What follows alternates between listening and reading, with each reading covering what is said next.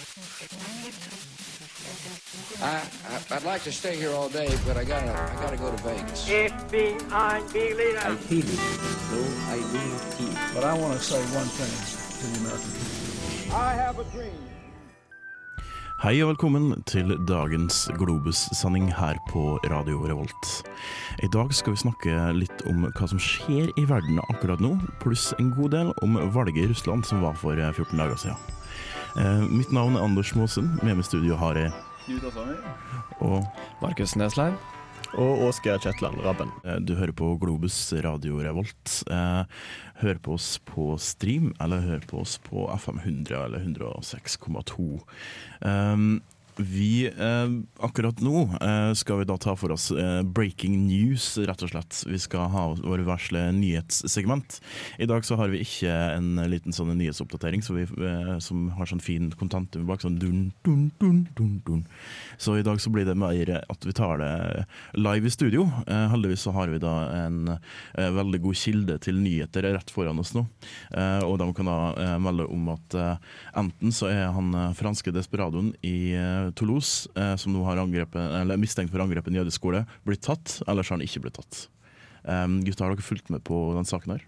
Ja. har vel eh, hørt hva som har skjedd i media, men eh, det var jo snakk for et par dager siden om en, en lignende episode der to-tre franske soldater ble drept i samme by. Så har det kommet fram noe om dette her er samme mann, eller?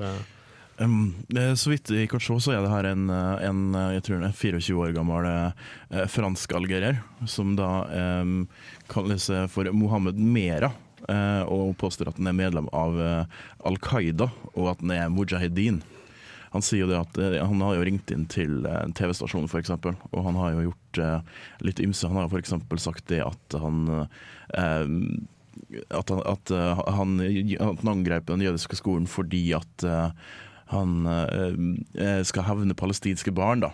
Han har også blitt fanga i Afghanistan og i Pakistan fordi at han drev og la planta bomber og sånne ting. Og satt i fengsel i tre år i, i Pakistan. eh, Ja. For ikke så lenge siden. Og Problemet er jo det med at uh, det, det her sa han jo til den her eh, lokale TV-stasjonen, eh, BFM.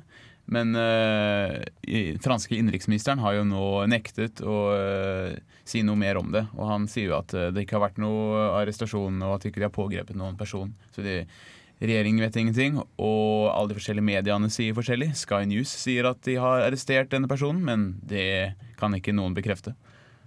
Mm.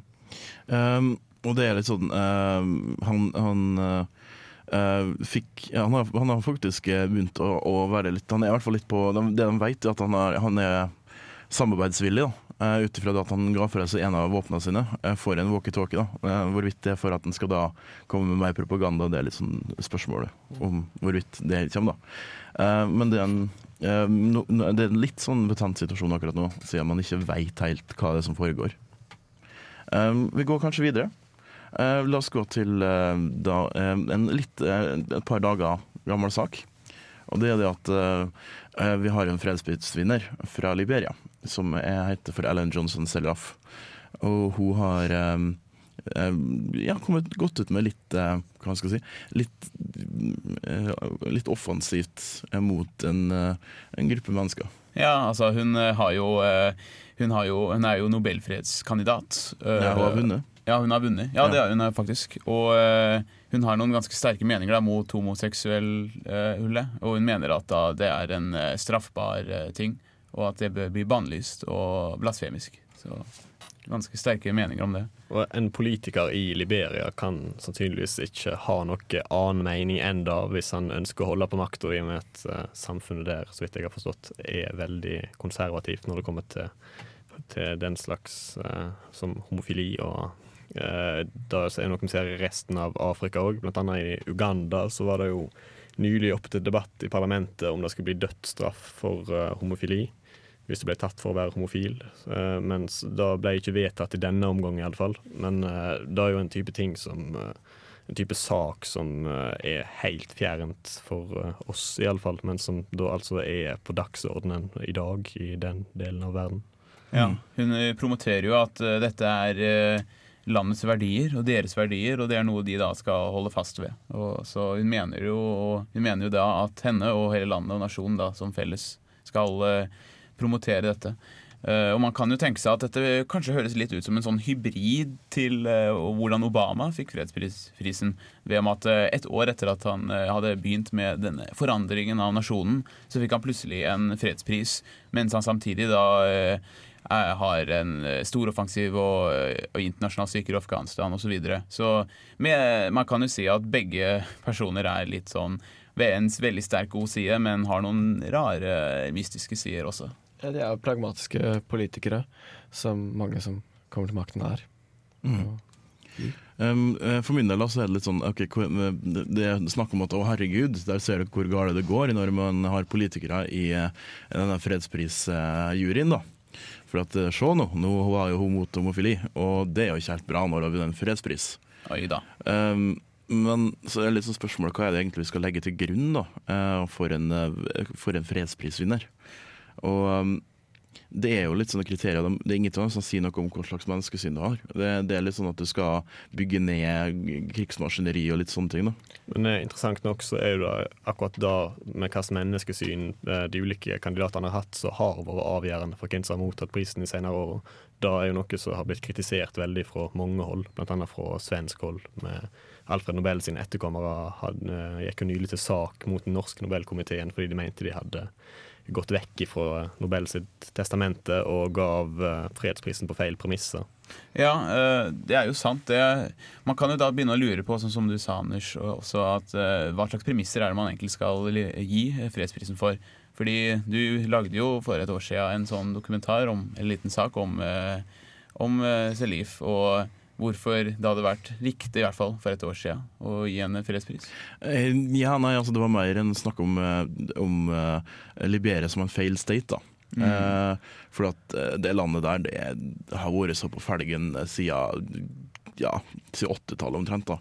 Eh, og før det så var det jo en slags føydalsystem der det var de frigitte slavene som styrte de natives. Eh, så altså, det har liksom aldri vært helt i orden, det der nå Liberia. Og etter borgerkrigstida så har det jo vært vært et sånt eh, lite maktvakuum da, som har blitt fylt av eh, i all hovedsak det at det har vært FN-styrker i landet. Eh, men de trakk seg ut i løpet av 2011, og da var jeg sikker på at ok, nå kommer noe til å skje. For at alle disse gamle um, krigerne, disse gamle generalene, så de er jo nå sånne ledere av lokalsamfunn. De sier jo det at de har endra seg, at de har funnet Jesus f.eks. Uh, men at de, de er fremdeles ledere i lokalsamfunn som har god støtte. da. Og når du da har eh, et land da, der du har liksom hatt FN som en slags, eh, en slags fredsbevarende styrke i landet i over lengre tid, og så forsvinner eh, og at du liksom har hatt borgerkrig der nå, hatt borgerkrig, borgerkrig, borgerkrig i sånn 20-25 år, Uh, og det er et land der det er så stor eh, nød og det er så store problemer, så er det jo litt der med at hun da faktisk har unngått den konflikten da, som er veldig sånn ulmen her nå uansett, eh, og at det er faktisk en viss stabilitet i det landet. Og at det er en av grunnene til at de syns at det er helt på sin plass at selv om hun er da mot homofile, at hun har litt sånne konservative og ganske kjipe menneskesyn, så er det fremdeles det at hun har faktisk klart å holde stabiliteten i et land som er så feil, feila som det eh, Liberia faktisk er. da. Ja, det er det hun har fått uh, fredsprisen for, ikke for sine verdisyn. Og det må, må man trekke kulturen inn i betraktning, uten at det skal være en unnskyldning. Men uh, ja. Ja. Um, ja, til slutt en liten sånn uh, hilsen til Barack Obama. Han får ha lykke til på sin ferd Uh, mellom uh, Nord-Korea og Sør-Korea. Så skal han være, på- skal være på den demilitariserte grensa her nå. Og der skal han da blant annet da møte på eh, Ja, når han først er i Korea, så skal han møte på da presidenten i Seoul, og så skal han da også møte på Hi Yuntao, som er da presidenten i Kina. Og så skal han også snakke med Dmitrij Med Med Medvedev, tror jeg, hvis det ikke var han Putin sjøl. Um, Men han skal ikke besøke lederen i Nord-Korea? Han får nok ikke komme inn dit, han blir Nei. skutt på grensa, tenker Ja. jeg. Eller så Men, viser de eh, vel en artilleriliten parade foran. Mm. Ja. Apropos Russland, så skal vi snakke litt mer om det russiske valget. Du hører fremdeles på Radio Revolt.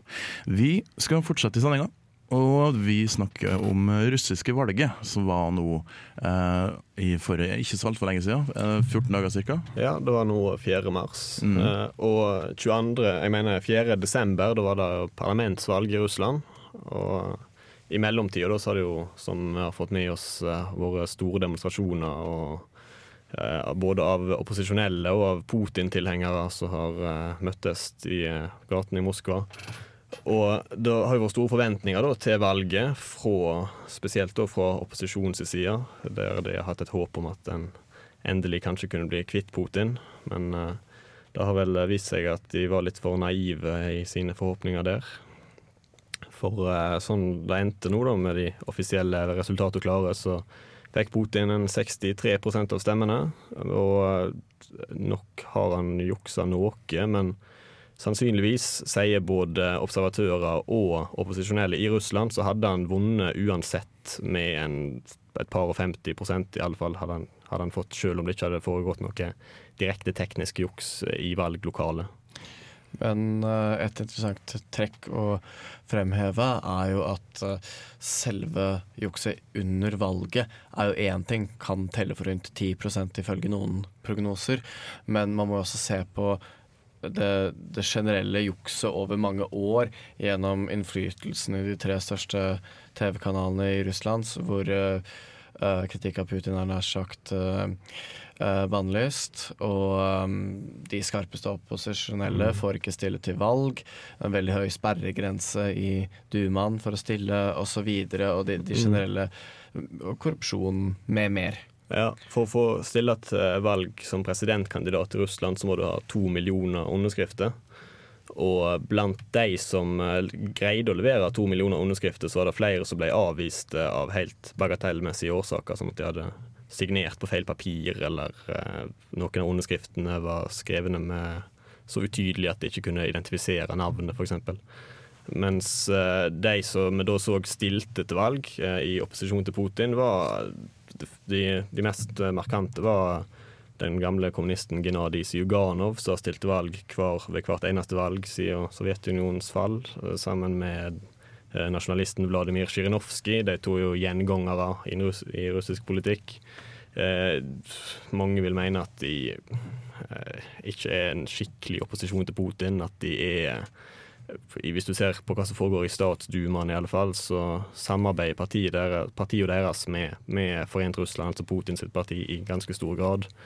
Mens uh, en som var ny ved dette valget, var uh, Mikhail Prokhorov, så en liberal en mann med et liberalt politisk program, iallfall når det kommer til økonomi.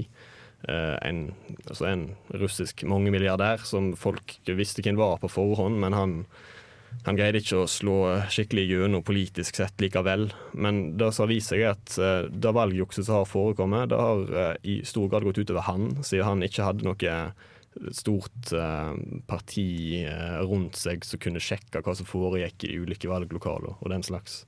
Så han har nok mista, ifølge en del kilder, kanskje så mye som halvparten av stemmene sine. Ja. Uh, jeg leste også et sted, da, dette har jeg bare lest, at uh, det skal visst ha vært en gjensidig avtale mellom Putin og uh, Prokhorov. Prokhorov um, og at ja, han stiller for å mm. kunne markere at det er en slags reell opposisjon, da. Mm. det man kan si, er jo at for eksempel altså, så er det jo um, altså, Hvis du ser vekk fra Prokhorov, han er kanskje litt mer en sånn det vi kaller en elusive shadow. Mm. Eh, så han, kanskje, han, har kanskje ikke vært like synlig heller, da, for at han ikke har hatt apparatet rundt seg. Mm. Men hvis du da ser på f.eks. nasjonalist, eh, de som kalles for liberaldemokratene, ja. som er jo rein, reinspikka nasjonalisme og nesten fascisme, mm. og kommunistene, altså når du har de to som er motpoler til Putin, da, som er relativt moderate i russisk målestokk, ja. så er det jo litt det der med at okay, når du har fare, valget der mellom en fyr som man Ja, vi vet at han er millionær, det er liksom det vi vet om han. Mm.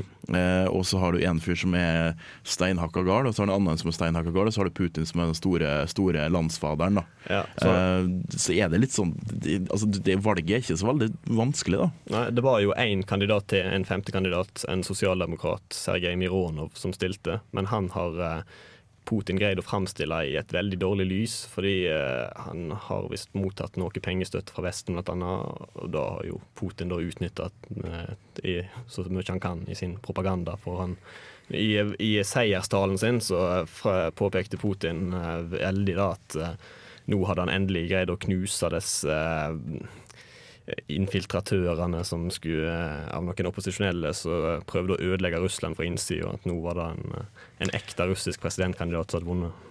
Ja, han bruker til tider en ganske klar antivestlig uh, retorikk som uh, definitivt skal brukes eh, for å appellere til liksom, kjernevelgerne, som er hovedsakelig industriansatte, servicenæringsansatte, pensjonister osv., som har faktisk et reell forestilling om at Vesten og USA har aggressive hensikter. og Det er noe de har spilt på lenge. Russisk kultur de er eh, fremmedskeptiske, og de vil ha stabilitet. og Der må du se, gå inn den russiske historien på de diverse invasjonene som har vært i Russland, og kaotiske tilstander når du har hatt svake ledere. Så det går tilbake til en, en tid tidlig på 1600-tallet som kalt forvirringens tidsalder, hvor eh, et dynasti døde ut, og så ble erstattet av et nytt. Og mange, det er veldig banket inn i russisk bevissthet det at man vil ikke tilbake til forvirringens tid.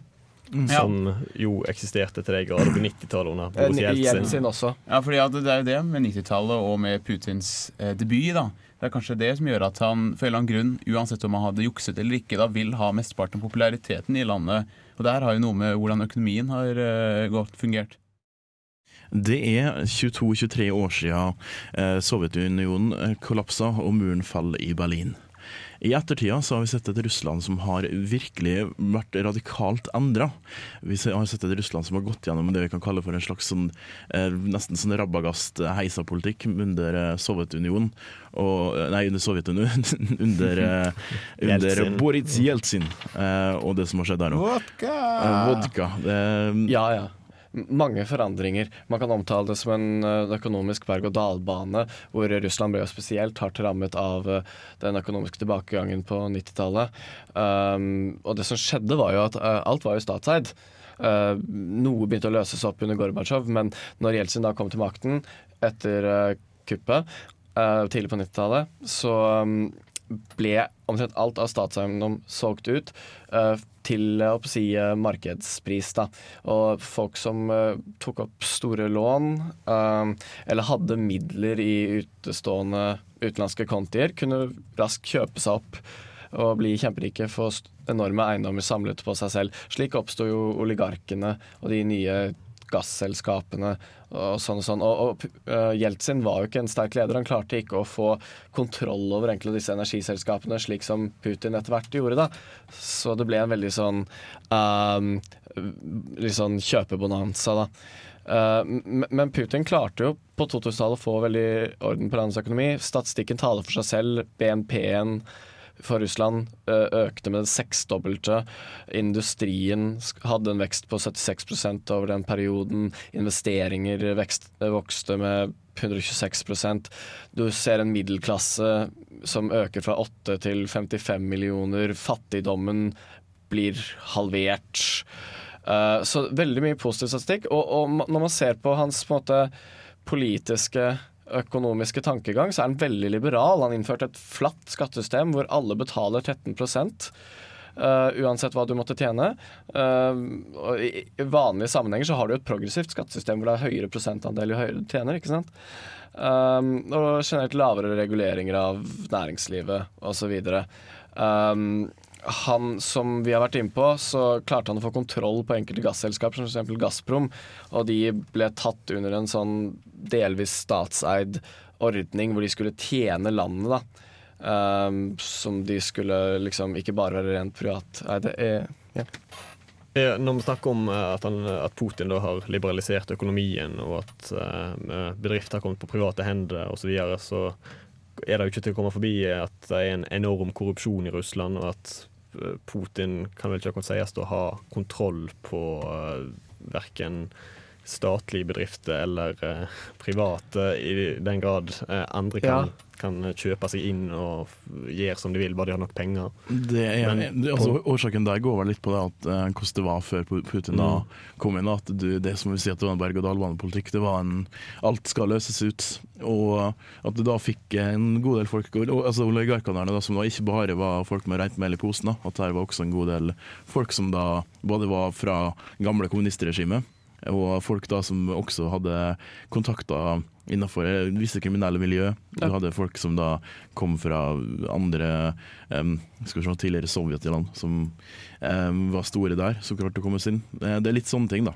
Mm, og etter hvert eh, så har jo Putin òg knytta flere og flere av disse, av disse her til seg, sånn at han har jo fått, med, fått et større og større nettverk i denne undergrunnen, eller blant oligarker. Ja, si. altså, han, er, jo FSB, da. han er jo gammel ja. KGB-agent. Så det liksom altså, Fyren er jo en ekspert på det med å skape nettverk, og han er liksom en person som du ser på som litt skummel, litt trivelig og veldig barsk. Så det, det, det, jeg tror det er et, et, et, et eh, bilde av en president, eller av, ja, av Putin, da, som er så eh, så, så altså Det blir en veldig bra ting da for dem som bor i Russland, å ha en sånn sterk mann. Ja, det er der kanskje mye av populariteten kommer fra. Den hele historien hvor han greide å omvelte hele landet etter Jeltsin sin presidentstyre som og berg-og-dal-bane. Men eh, og mange sier jo da at, eh, han, eh, at det er takket være Putin da, at landet kom på beina igjen og ble en stormakt. Men man har jo ganske mange andre meninger om hvordan uh, dette landet ble bedre, selv under Putin. Man kan jo også legge uh, årsaken til høye oljepriser. Du har en uh, sterk økning i oljeprisen på verdensnivå etter 2000-tallet. Um, da da Putin innledet sin presidentperiode, og det ga jo store inntekter til uh, russisk økonomien, så han kunne etablere et stabiliseringsfond som gjorde at Russland var ganske stabilt gjennom hele 2000-tallet. Mm. Vi skal snakke mer om Putin, om hva som skjer nå. Du hører fortsatt på Globus her på Radio Revolt. Er det noe du har gått glipp av, så går det an å finne oss på podkast. Tror kanskje også på Stream on Demand, uten at jeg er helt sikker på det. Det skal være på Stream on Demand, Eh, ja. Demand. Og så er det også da muligheten da for å sende oss en mail da på globus.krøllalfa.radiorevolt.no. Både streamen og podkasten. Streamen er med musikk, podkasten er bare oss kjekke herrene som sitter og snakker om eh, politiske ting. Eh, den kan du da få på radiorevolt.no. Eh, vi skal fortsette litt. Nå, vi har snakka litt om historien. Eh, nå er det på tide å snakke litt om hva er det som foregår nå i Russland. Ja, um, Putin vant jo uh, da presidentvalget med ganske god margin. Vi var vel på en uh, 63 av uh, stemmene. Um, men det må samtidig uh, påpekes at det var vel rundt uh, 66% av de stemmeberettigede i Russland som faktisk stemte. Um, så da må man plutselig nedjustere tallet lite grann. Uh, blant de som stemte på Putin, så går det jo ned til rundt en tredjedel av de stemmeberettigede, har vi regnet oss Ja, og fram en til. tredjedel så aktivt, eh, Som aktivt. viser at de støtter Putin i å stemme på han, da. så er det jo en, en eh, god del som stilltiende aksepterer hans styre. og Ja. Kanskje ikke så interessert i politikk i det hele Og så er det den andre tredjedelen da, som kanskje ikke vet hva de skal stemme, rett og slett fordi det er et kaos. Vi hadde jo han eh, til rektoren som rett og slett bare bestemte seg for å Nei, jeg gidder ikke å stemme fordi det er kaos, og uansett hva jeg stemmer, så vil ingenting skje. Så hvorfor skal jeg gidde? Ja, for dette var en rektor på videregående skole som åpenbart hadde sin eh, dose med utdanning og var en reflektert eh, person. Det skjedde under klassetur for et par år tilbake. Det var under valget av eh, Medvedev, husker jeg. Ja, men det var jo samme partiet til Putin. Men han var helt sånn ambi ambivalent, på en måte. Han, han visste ikke helt hva han skulle gjøre i det hele tatt. Um, men veldig mange russere føler at eh, valget er eh, avgjort på forhånd, og du vet jo at Putin har overtatt kontrollen over media. Eh, de tre største kanalene viser bare Putin-vennlige saker. Det er noe dekning av opposisjonen sånn de siste ukene før valget, og sånn, men det er generelt veldig, veldig tvilsomt hele opplegget. Og, og det har vært masse demonstrasjoner både under parlamentsvalget i desember og noen flere demonstrasjoner nå i, i mars. Um, men um, det har stort sett vært demonstrasjoner i Moskva. Da. Ja, ja, altså Det er jo Man kan jo da måte, Man kan jo nesten bare konkludere med at uh, Putin på en måte han, han er en slags uh, fyr som liker makt. Altså, og han, han vil jo ha makt, og han vil jo gjøre hva som helst. Og han hadde kanskje ikke trengt å ta bort Eller ha være å fuske, da, men han gjorde det allikevel. Men eh, sånn det har blitt nå, den situasjonen Putin har kommet i etter tolv år som president og statsminister Nå har han så mye blod på hendene, for å si det sånn. eh, Både reelt sett, du, som sikter til Tsjetsjenia f.eks., og eh, økonomisk når det gjelder korrupsjon og etc. At han har ikke noe annet alternativ enn å fortsette å holde på makta.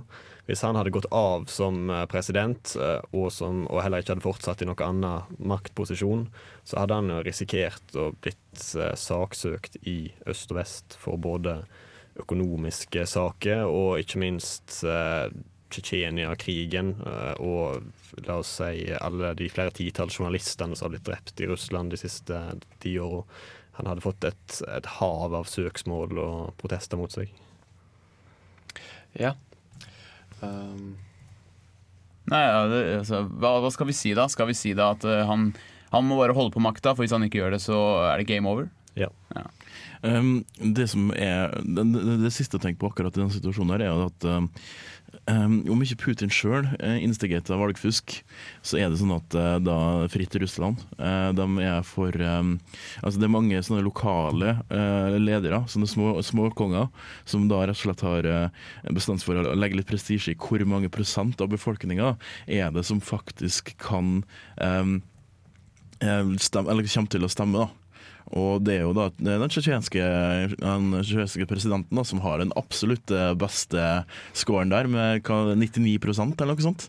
100% forrige gang, så det, det er gått litt ned 1% men han leder ganske kraftig, da. Det var noen få soldater som ikke greide å komme dit så, og true dem, så det gikk ikke helt bra denne gangen. Nei, det var kanskje en og annen som leverte blankt. For at den, ja. Mm. Kunne ikke lese? Ja. Nei, det var mer at eh, når de putta alle så noe ekstra stammene ned i boksen, så glemte de å skrive navnet på Putin på et par stykk. Sånt. ja. Jepp. Putin sjøl kommenterte valgjukset på en pressekonferanse der han, han fikk spørsmål om hvor omfattende det var. Så svarte han først at eh, han innrømte at det hadde vært valgjuks. Det hadde ikke han hatt noe med å gjøre, men han visste at det hadde forekommet. Men han sa først at eh, det fikk ikke konsekvenser for eh, mer enn eh, noen hundredels prosent av stemmene. Så tenkte han seg litt om, og så sa han ja, OK, kanskje et par prosent av stemmene. Så, Men det hadde uansett ikke noe å si, var konklusjonen hans. Det får vi konkludere med, vi også, når det kommer til eh, Putin, Russland og deres framtid. Eh, Vi får bare ønske lykke til. Eh, Vi i Globus vi ønsker å få innspill fra dere som er lytterne våre. Derfor så vil vi gjerne at dere sender oss en mail på globus.radiorevolt.no. Der dere kommer med litt tips, eller dere kommer med bilder av hunder. Det har vært en hit før. Um, eller, eller ja, rett og slett kakeoppskrifter. Vi er glad i kake også, vi i Globus. Eller hvis noen gidder å sende oss en kake som ikke er full av gift, så er det også vært kjekt.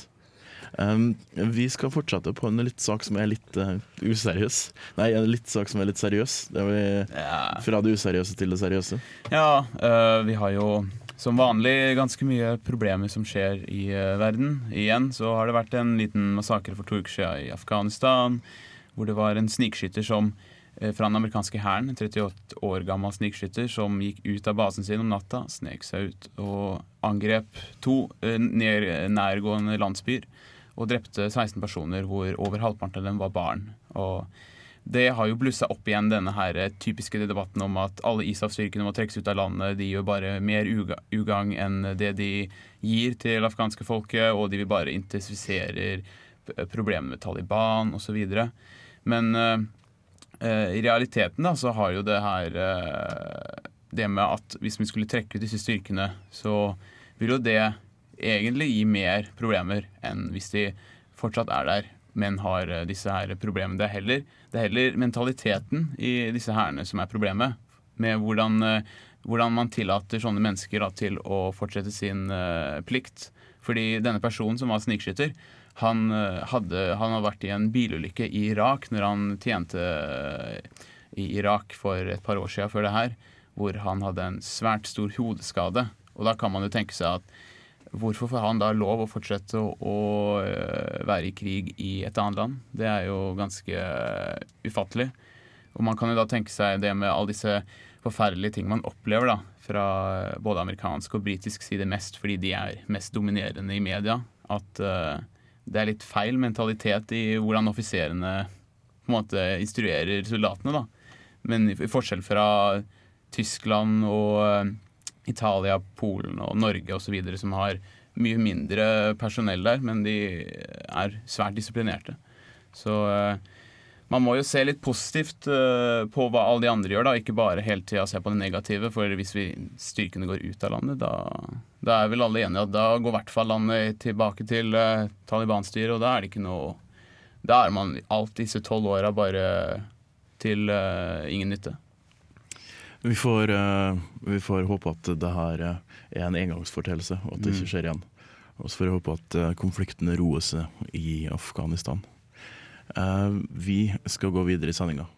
Vi uh, nærmer oss slutten her på Globus for i dag. Eh, vi har snakka litt om Russland, og vi har snakka litt om Afghanistan. Og vi har snakka litt om det som skjer i Frankrike nå. Har du noen oppdateringer på Frankrike-saken akkurat for øyeblikket? Skal vi se her nå Skal vi se Mm, Nei vi må, ja, vi må helt opp, ja. Der, ja. Vi må oppdatere den, Jeg så bare fortsatt at den franske ministeren eh, nekter at eh, rapporter, rapporter her, ja. Eh, For, Ja. for i mellomtida bare Mm. takke Anna som har vært tekniker, da, og eh, Knut og Markus Oskar som har vært med meg i studio. Mitt navn er Anders Her står det at Sarkozy står at uh, The gunman planned new attack today, så det betyr vel at han er arrestert. Ja, men det er bra, da vet du det. Da får vi si takk for oss her fra Globus redaksjon.